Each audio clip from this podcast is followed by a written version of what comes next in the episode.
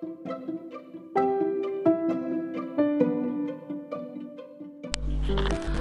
anak-anak kelas 12, apa kabarnya? Mudah-mudahan kalian semua dalam kondisi yang uh, sehat selalu uh, bersama-sama dengan orang-orang yang kalian kasihi. Nah, kali ini uh, Miss berjumpa dengan kalian dalam bentuk podcast uh, dan kita akan membahas mengenai uh, satu materi tentang bagaimana peran uh, kecerdasan intelektual atau IQ kemudian kecerdasan uh, emosional atau EQ, lalu ada kecerdasan spiritual atau SQ, kemudian ada kecerdasan kreativitas atau CQ, dan yang terakhir itu adalah uh, kecerdasan ketangguhan atau ketahan malangan uh, yang kita kenal dengan EQ uh, di dalam uh, perkembangan uh, profesi seseorang. Nah, uh, mengapa Miss ingin menyampaikan mengenai uh, materi ini? Karena ini Miss memberikan uh, satu bekal kepada kalian karena sebentar kali sebentar lagi kalian udah memasuki uh, suatu fase uh, kuliah menjadi seorang mahasiswa di mana nanti kalian udah tidak lagi dipanggil sebagai anak-anak uh, tetapi sebagai saudara-saudara oleh uh, dosen kalian. Jadi kalian ini adalah partner dari dosen-dosen kalian nanti. Kemudian akan dilanjutkan dengan uh, dunia kerja ya. Entah kalian bekerja pada sebuah perusahaan ataupun nanti kalian uh, membuat sebuah perusahaan tersendiri. Jadi kecerdasan-kecerdasan uh, ini akan membantu kesuksesan kalian. Nah, untuk episode kali ini, uh, Miss hanya akan membahas uh, dua kecerdasan, yaitu kecerdasan intelektual dan kecerdasan emosional. Nah, sisanya yang ketiga akan Miss bahas di dalam pertemuan yang berikutnya.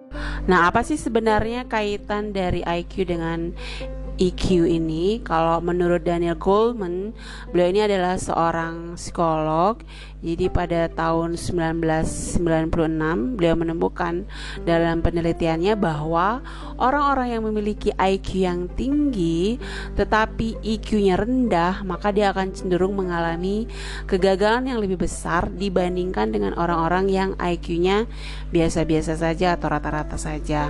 Tetapi kalau orang-orang yang memiliki EQ atau kecerdasan emosional yang tinggi artinya bahwa penggunaan olah rasa rasanya justru menjadi hal yang sangat penting di mana uh, di dalam dunia kerja kesuksesan karir seseorang ini uh, akan dipengaruhi oleh 85 persennya oleh uh, kecerdasan emosional dan 15 persennya itu adalah kecerdasan intelektual. Jadi dari hasil penelitian ini sendiri sudah menunjukkan bagaimana peran daripada kecerdasan emosional ini sangat signifikan.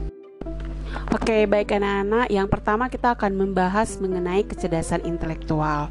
Nah, definisi daripada kecerdasan intelektual ini banyak ya. Nah, beberapa di antaranya yang pertama itu dari kamu psikologi. Jadi diuraikan bahwa kecerdasan intelektual ini terkait pada kemampuan di dalam penggunaan konsep abstrak. Jadi uh, numerasi atau matematika kalau misalnya uh, seperti yang kalian um, ketahui. Kemudian uh, kemampuan di dalam menghadapi dan menyesuaikan diri dengan uh, situasi yang baru. Lalu terkait juga di dalam kemampuannya mempelajari dan memahami sesuatu. Sedangkan menurut Gardner, kecerdasan intelektual itu mencakup tiga faktor ya. Yang pertama itu adalah uh, kemampuan di dalam menyelesaikan masalah, lalu menghasilkan persoalan-persoalan yang baru untuk dia selesaikan dan uh, yang terakhir itu adalah kemampuan untuk menciptakan sesuatu yang akan memunculkan penghargaan dalam budaya seorang individu. Nah, sebenarnya masih banyak lagi dan ini cukup kompleks. Namun bisa kita simpulkan bahwa kecerdasan intelektual ini merupakan suatu potensi dasar ya, bawaan. Oke, dari lahir atau bisa kita sebutkan sebagai faktor genetis uh, untuk berpikir menganalisis dan mengelola tingkah lakunya di dalam lingkungan uh, dan potensi diri ini uh, atau potensi dasar seseorang ini dapat diukur. Nah, konsep intelijensi ini awalnya dirintis oleh Alfred Binet pada tahun 1964 dan dia mempercaya bahwa kecerdasan itu bersifat tunggal dan dapat diukur di dalam satu angka. Jadi misalnya nih, kalian melakukan tes IQ dan hasilnya adalah uh, eh, IQ kalian misalnya uh, eh, 100 maka uh, dalam klasifikasi IQ uh, eh, IQ kalian ini berada dalam kategori uh, normal karena uh, normal atau average ini berada range berada pada range uh, 90 sampai 109 atau kalau misalnya orang memiliki IQ 135 maka dia berada dalam kategori uh, very superior. Ciri-ciri yang mendasar dari seseorang yang memiliki kecerdasan intelektual yang baik uh, adalah dia memiliki kemampuan untuk uh, menilai, memahami, uh, dan juga memberikan alasan secara menyeluruh dan uh, baik. Uh, sehingga dalam kehidupan sehari-hari kita bisa melihat bahwa ciri-ciri orang yang memiliki kecerdasan intelektual itu adalah di dalam kemampuannya menyelesaikan masalah, uh, kemudian menilai sesuatu atau kondisi, uh, kemudian kemampuannya di dalam memberikan alasan dengan baik seperti yang sudah saya sebutkan itu adalah uh, masalah yang dihadapi merupakan masalah baru bagi yang bersangkutan. Uh, kemudian serasi uh, pada tujuan dan ekonomis, jadi orangnya sangat efisien dan efektif. Uh, masalah yang dihadapi ini adalah masalah yang memiliki uh, tingkat kesulitan yang tinggi. Kemudian uh, keterangan atau pemberian alasan pada pemecahan masalahnya dapat kita terima karena paparannya sangat logis. Lalu dia sering menggunakan abstraksi, uh, kemudian bercirikan pada kemampuannya dalam menyelesaikan pekerjaan itu dengan sangat cepat dan yang terakhir uh, mampu memusatkan pikiran dengan baik sehingga kalau orang-orang yang memiliki kecerdasan intelektual yang tinggi uh, maka kemampuannya di dalam melakukan uh, multitasking juga sangat baik uh, dari paparan yang sudah disampaikan bisa dikatakan bahwa IQ ini merupakan uh, sumber rasionalitas dalam kepribadian manusia. Nah, uh, dulu orang mengira bahwa kecerdasan intelektual ini sebagai sesuatu yang bersifat tunggal. Artinya, kecerdasan intelektual inilah satu-satunya uh, alat ukur bagi uh, seseorang itu bisa prestasi, berprestasi atau tidak. Jadi dampak negatif dari persepsi bahwa uh, kecerdasan intelektual ini merupakan satu-satunya alat ukur uh, bagi keberhasilan seseorang uh, dalam mengembangkan profesi atau kehidupan pribadinya uh, adalah uh, jika seseorang atau individu yang rendah kecerdasan akademik uh, tradisional yaitu misalnya kalau di dalam rapotnya misalnya uh, nilai matematika maupun bahasanya itu rendah atau kurang maka seakan-akan dia uh, sudah kita bisa vonis tidak akan pernah berhasil uh, dalam mengembangkan uh, prestasi. Uh, namun hal ini dulu ya pemikiran seperti ini berkembang. Tapi kalau sekarang kecerdasan itu sudah diukur atau dilihat atau dinilai uh, dari banyak hal atau dari multidimensional banyak cabangnya ya. Jadi tidak ada manusia yang bodoh karena setiap manusia itu uh, punya rumpun kecerdasan. Artinya ada seorang atlet mungkin dia dari kecerdasan akademiknya kurang optimal namun uh, mereka memiliki kecerdasan fisik yang sangat baik Baik anak-anak kita lanjutkan pembahasan mengenai kecerdasan emosional. Nah, emosi itu artinya adalah letupan perasaan seseorang. Jadi uh, ada sedih, bahagia, ya itu merupakan bagian daripada emosi seseorang. Nah, apa definisi dari emotional quotient atau kecerdasan emosi ini? Jadi kalau menurut Daniel Goldman itu menyatakan bahwa uh, kecerdasan emosi ini adalah kemampuan untuk mengenali perasaan sendiri. Kemudian kita mampu mengenali perasaan orang lain, uh, dapat memotivasi diri sendiri, mengelola emosi dengan baik, dan bagaimana berhubungan dengan orang lain.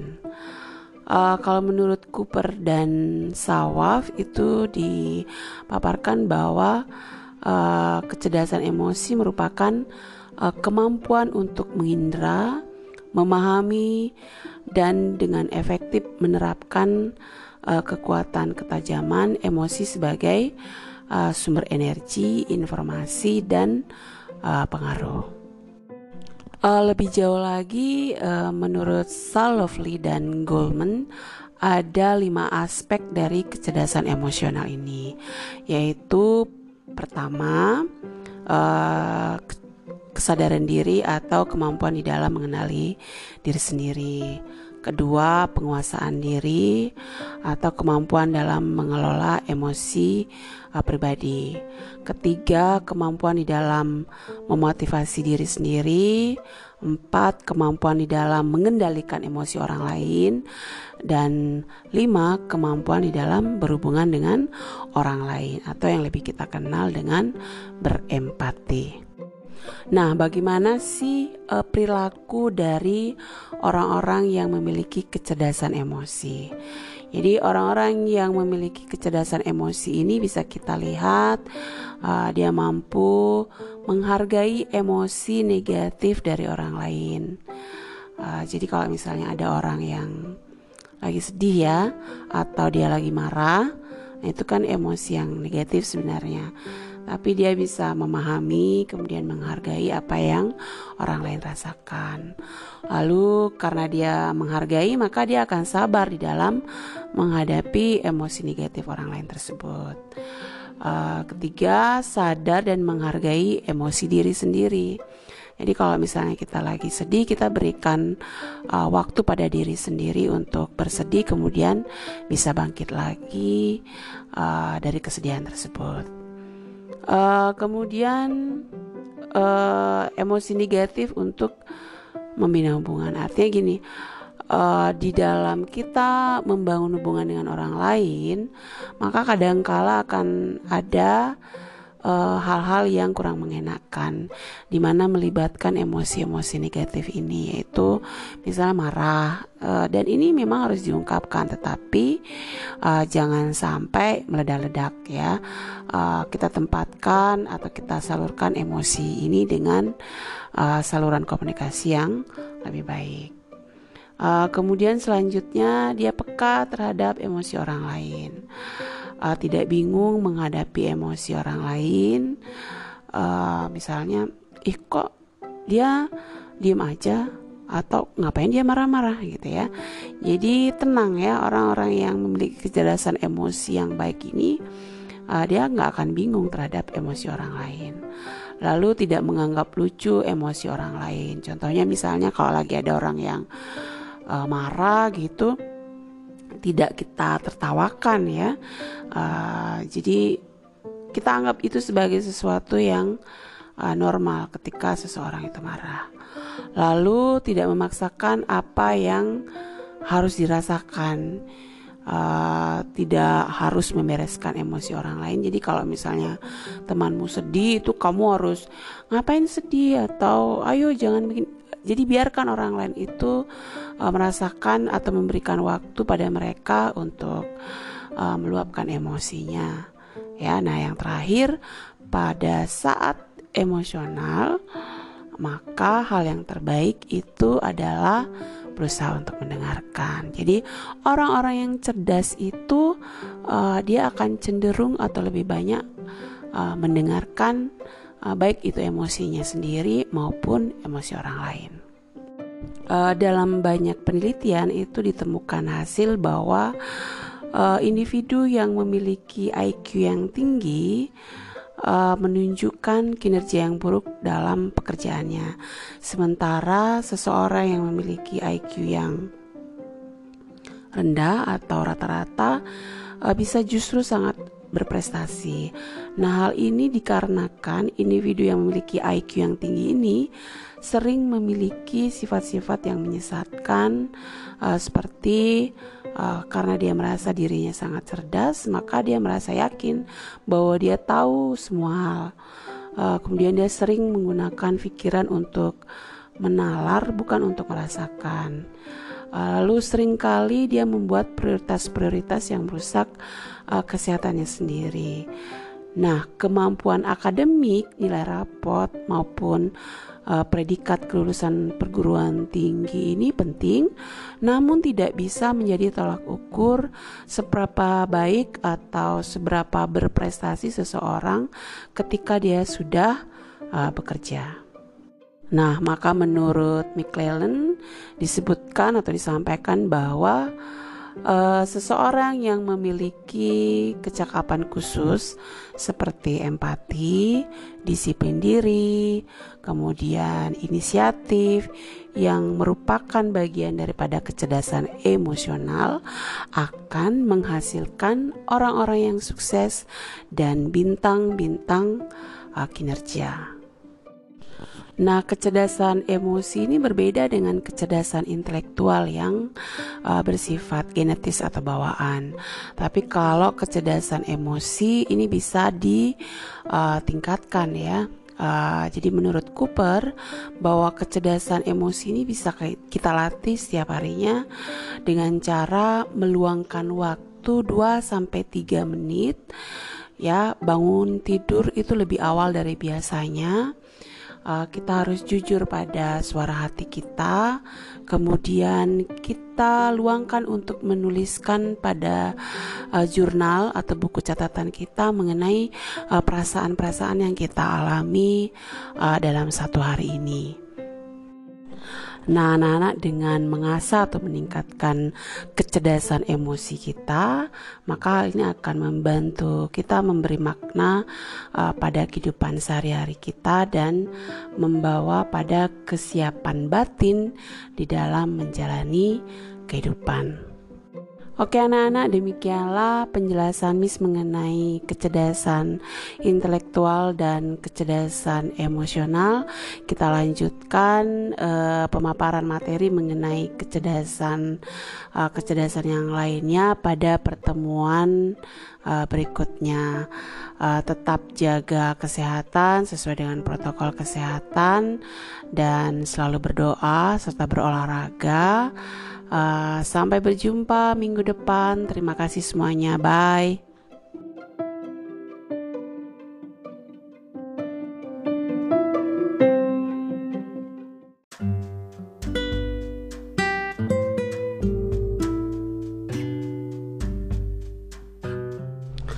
Setiap orang sejak dia dilahirkan sudah memiliki bakat dasar sebagai seorang pemimpin. Namun untuk mencapai posisi sebagai seorang pemimpin diperlukan proses yang panjang mulai dari belajar dalam keluarga, di masyarakat maupun di bangku sekolah. Uh, halo apa kabar anak-anak? Bagaimana kabarnya? Kalian bersama kembali dengan Missnya dalam pembelajaran budi pekerti. Uh, hari ini kita akan membahas mengenai satu materi pokok yaitu membangun kepemimpinan diri uh, untuk merefresh kembali pembelajaran kita sebelumnya, uh, definisi daripada kepemimpinan itu secara sederhana adalah merupakan suatu proses atau seni untuk membawa orang-orang atau organisasi yang dipimpinnya menuju suatu tujuan atau goal yang jelas. Nah, tujuan atau goal yang jelas ini adalah merupakan sebuah visi daripada organisasi atau komunitas tersebut, di mana tanpa visi kepemimpinan kepemimpinan itu tidak akan ada artinya sama sekali. Jadi, dengan visi inilah yang akan mendorong sebuah organisasi untuk senantiasa tumbuh dan belajar. John Maxwell di dalam bukunya yang berjudul Developing the Leaders Around You menunjukkan bahwa keberhasilan daripada seorang pemimpin ini sangat bergantung dari kemampuannya untuk melihat maupun membangun potensi sumber daya manusia dari masing-masing orang-orang yang ada di sekitarnya. Uh, seorang pemimpin ini adalah uh, orang yang akan menggerakkan orang lain dan mengubah orang lain. Dengan demikian, agar dia bisa melakukan hal tersebut secara efektif maupun efisien, uh, haruslah seorang pemimpin itu memiliki kepribadian yang matang. Nah, untuk itu ada beberapa hal yang diperhatikan agar uh, seseorang pemimpin ini memiliki kemampuan untuk uh, memimpin secara mandiri. Yang pertama yang perlu diperhatikan adalah kemampuan untuk memahami mengenai identitas diri ataupun uh, gambaran dirinya. Uh, dia harus memahami riwayat pribadinya, selanjutnya selanjutnya menghayati akan makna hidupnya dan me, dan berubah menurut apa yang bernilai uh, bagi dirinya. Kunci yang kedua itu adalah seorang pemimpin harus memiliki rasa percaya diri agar dia mampu mengontrol dan menenangkan orang lain. Jadi pengembangan atau penguatan rasa percaya diri ini uh, dan kepemimpinan saling melengkapi, di mana hal ini akan sangat dipengaruhi oleh uh, kemampuan atau kecerdasan emosional seseorang yang pada gilirannya akan menimbulkan suatu kemandirian. Nah, yang ketiga, seorang pemimpin itu uh, adalah uh, tugasnya membuat sebuah keputusan.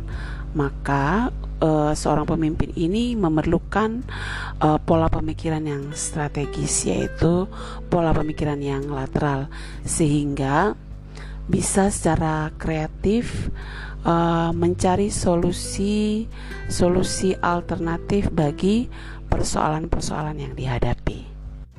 Uh, yang keempat, kesuksesan di dalam memimpin ini sepenuhnya sangat bergantung pada uh, kapasitas untuk membangun dan mempertahankan hubungan manusia uh, yang memungkinkan orang untuk mewujudkan hal-hal yang luar biasa secara uh, reguler.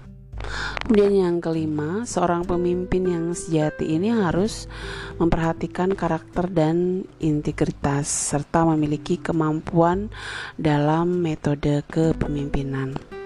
Di mana seorang pemimpin ini harus mengedepankan perasaan yang baik atau good feeling dalam diri orang-orang yang dipimpinnya.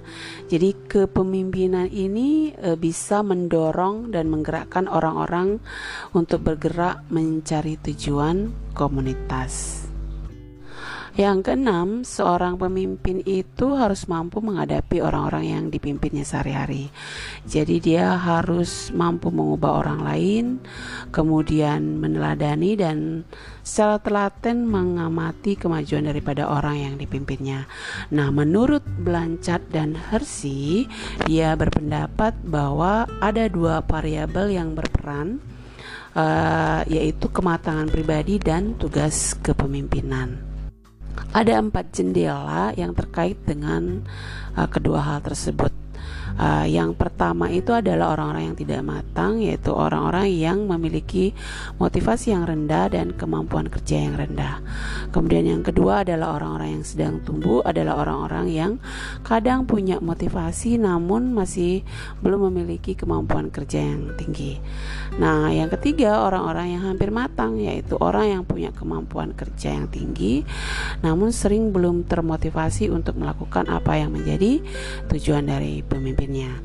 Yang keempat adalah orang-orang yang matang adalah orang-orang yang mempunyai kemampuan kerja yang tinggi sekaligus sudah termotivasi untuk mencapai tujuan bersama.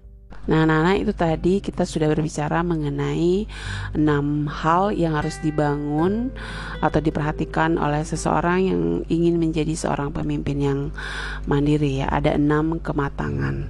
Nah, sekarang kita akan membahas mengenai prinsip-prinsip yang harus dipegang oleh seorang uh, pemimpin jika dia ingin uh, berhasil memimpin orang-orang yang ada di bawahnya. Yang pertama uh, yaitu seorang pemimpin yang berprinsip menganggap bahwa hidup itu sebagai proses belajar yang tiada henti untuk mengembangkan lingkaran pengetahuan mereka. Jadi mereka tidak akan segan untuk mengikuti pelatihan, kemudian mendengarkan orang lain, bertanya, ingin tahu, meningkatkan keterampilan dan juga minat yang baru. Pemimpin yang berprinsip itu harus melihat bahwa kehidupan saya ini sebagai misi, bukan sebagai karir. Jadi ini prinsip yang kedua ya, di mana ukuran keberhasilan mereka adalah bagaimana bisa menolong dan melayani orang lain. Nah hal ini merupakan suatu tanggung jawab moral, bentuk pelayanan dan juga sumbangsih bagi bawahannya. Prinsip yang ketiga, secara fisik pemimpin yang berprinsip ini memiliki uh, air muka yang menyenangkan dan bahagia. Mereka ini adalah orang-orang yang justru sebagai juru damai, penengah uh, untuk menghadapi dan membalikkan energi yang destruktif ya menjadi sesuatu yang positif. Yang keempat, pemimpin yang berprinsip ini mempercaya orang lain. Mereka yakin bahwa orang lain ini punya potensi yang tidak tampak, namun di lain pihak mereka juga tidak akan bereaksi secara berlebihan terhadap uh, kelemahan-kelemahan yang dimiliki oleh orang lain. Nah, hal ini membuat mereka menjadi seseorang yang tidak naif. Prinsip yang kelima itu adalah seorang pemimpin bukanlah orang yang ekstremis. Jadi mereka ini penuh pertimbangan di dalam melakukan tindakannya sehingga hal ini membuat mereka menjadi seimbang, mampu menguasai diri dan sangat bijak ya. Tidak diperbudak oleh berbagai rencana-rencana, tidak gila kerja dan juga tidak fanatik sehingga uh, mereka akan jujur pada diri sendiri, mau mengakui kesalahan dan melihat sebagai keberhasilan itu sebagai sesuatu yang uh, berjalan berdampingan dengan kegagalan. Prinsip yang keenam itu adalah seorang pemimpin harus menikmati hidup ya. Jadi mereka melihat hidup ini sebagai uh, sesuatu yang baru selalu ya. Mereka siap menghadapi uh, berbagai macam kondisi atau permasalahan uh, karena mereka merasa aman ya. Dan hal ini selalu berasal dari uh, dirinya sendiri gitu. Uh, mereka ini adalah orang-orang yang penuh kreatif kreativitas berani uh, dinamis dan juga sedik gitu ya. Karena uh, mereka ini adalah orang-orang yang fleksibel di dalam menghadapi kehidupan. Prinsip yang ketujuh, yang terakhir, mereka ini adalah orang-orang yang uh, sinergis ya, selalu menjadi katalis perubahan. Jadi di dalam setiap situasi yang dimasuki selalu diupayakan menjadi lebih baik, sehingga uh, menjadi produktif dengan cara-cara yang baru dan kreatif. Jadi mereka selalu menawarkan berbagai uh, pemecahan masalah, berusaha untuk memperbaiki, memperkaya hasil, uh, bukan sekedar kompromi di mana masing-masing pihak hanya memberi dan menerima sesuatu sangat sedikit.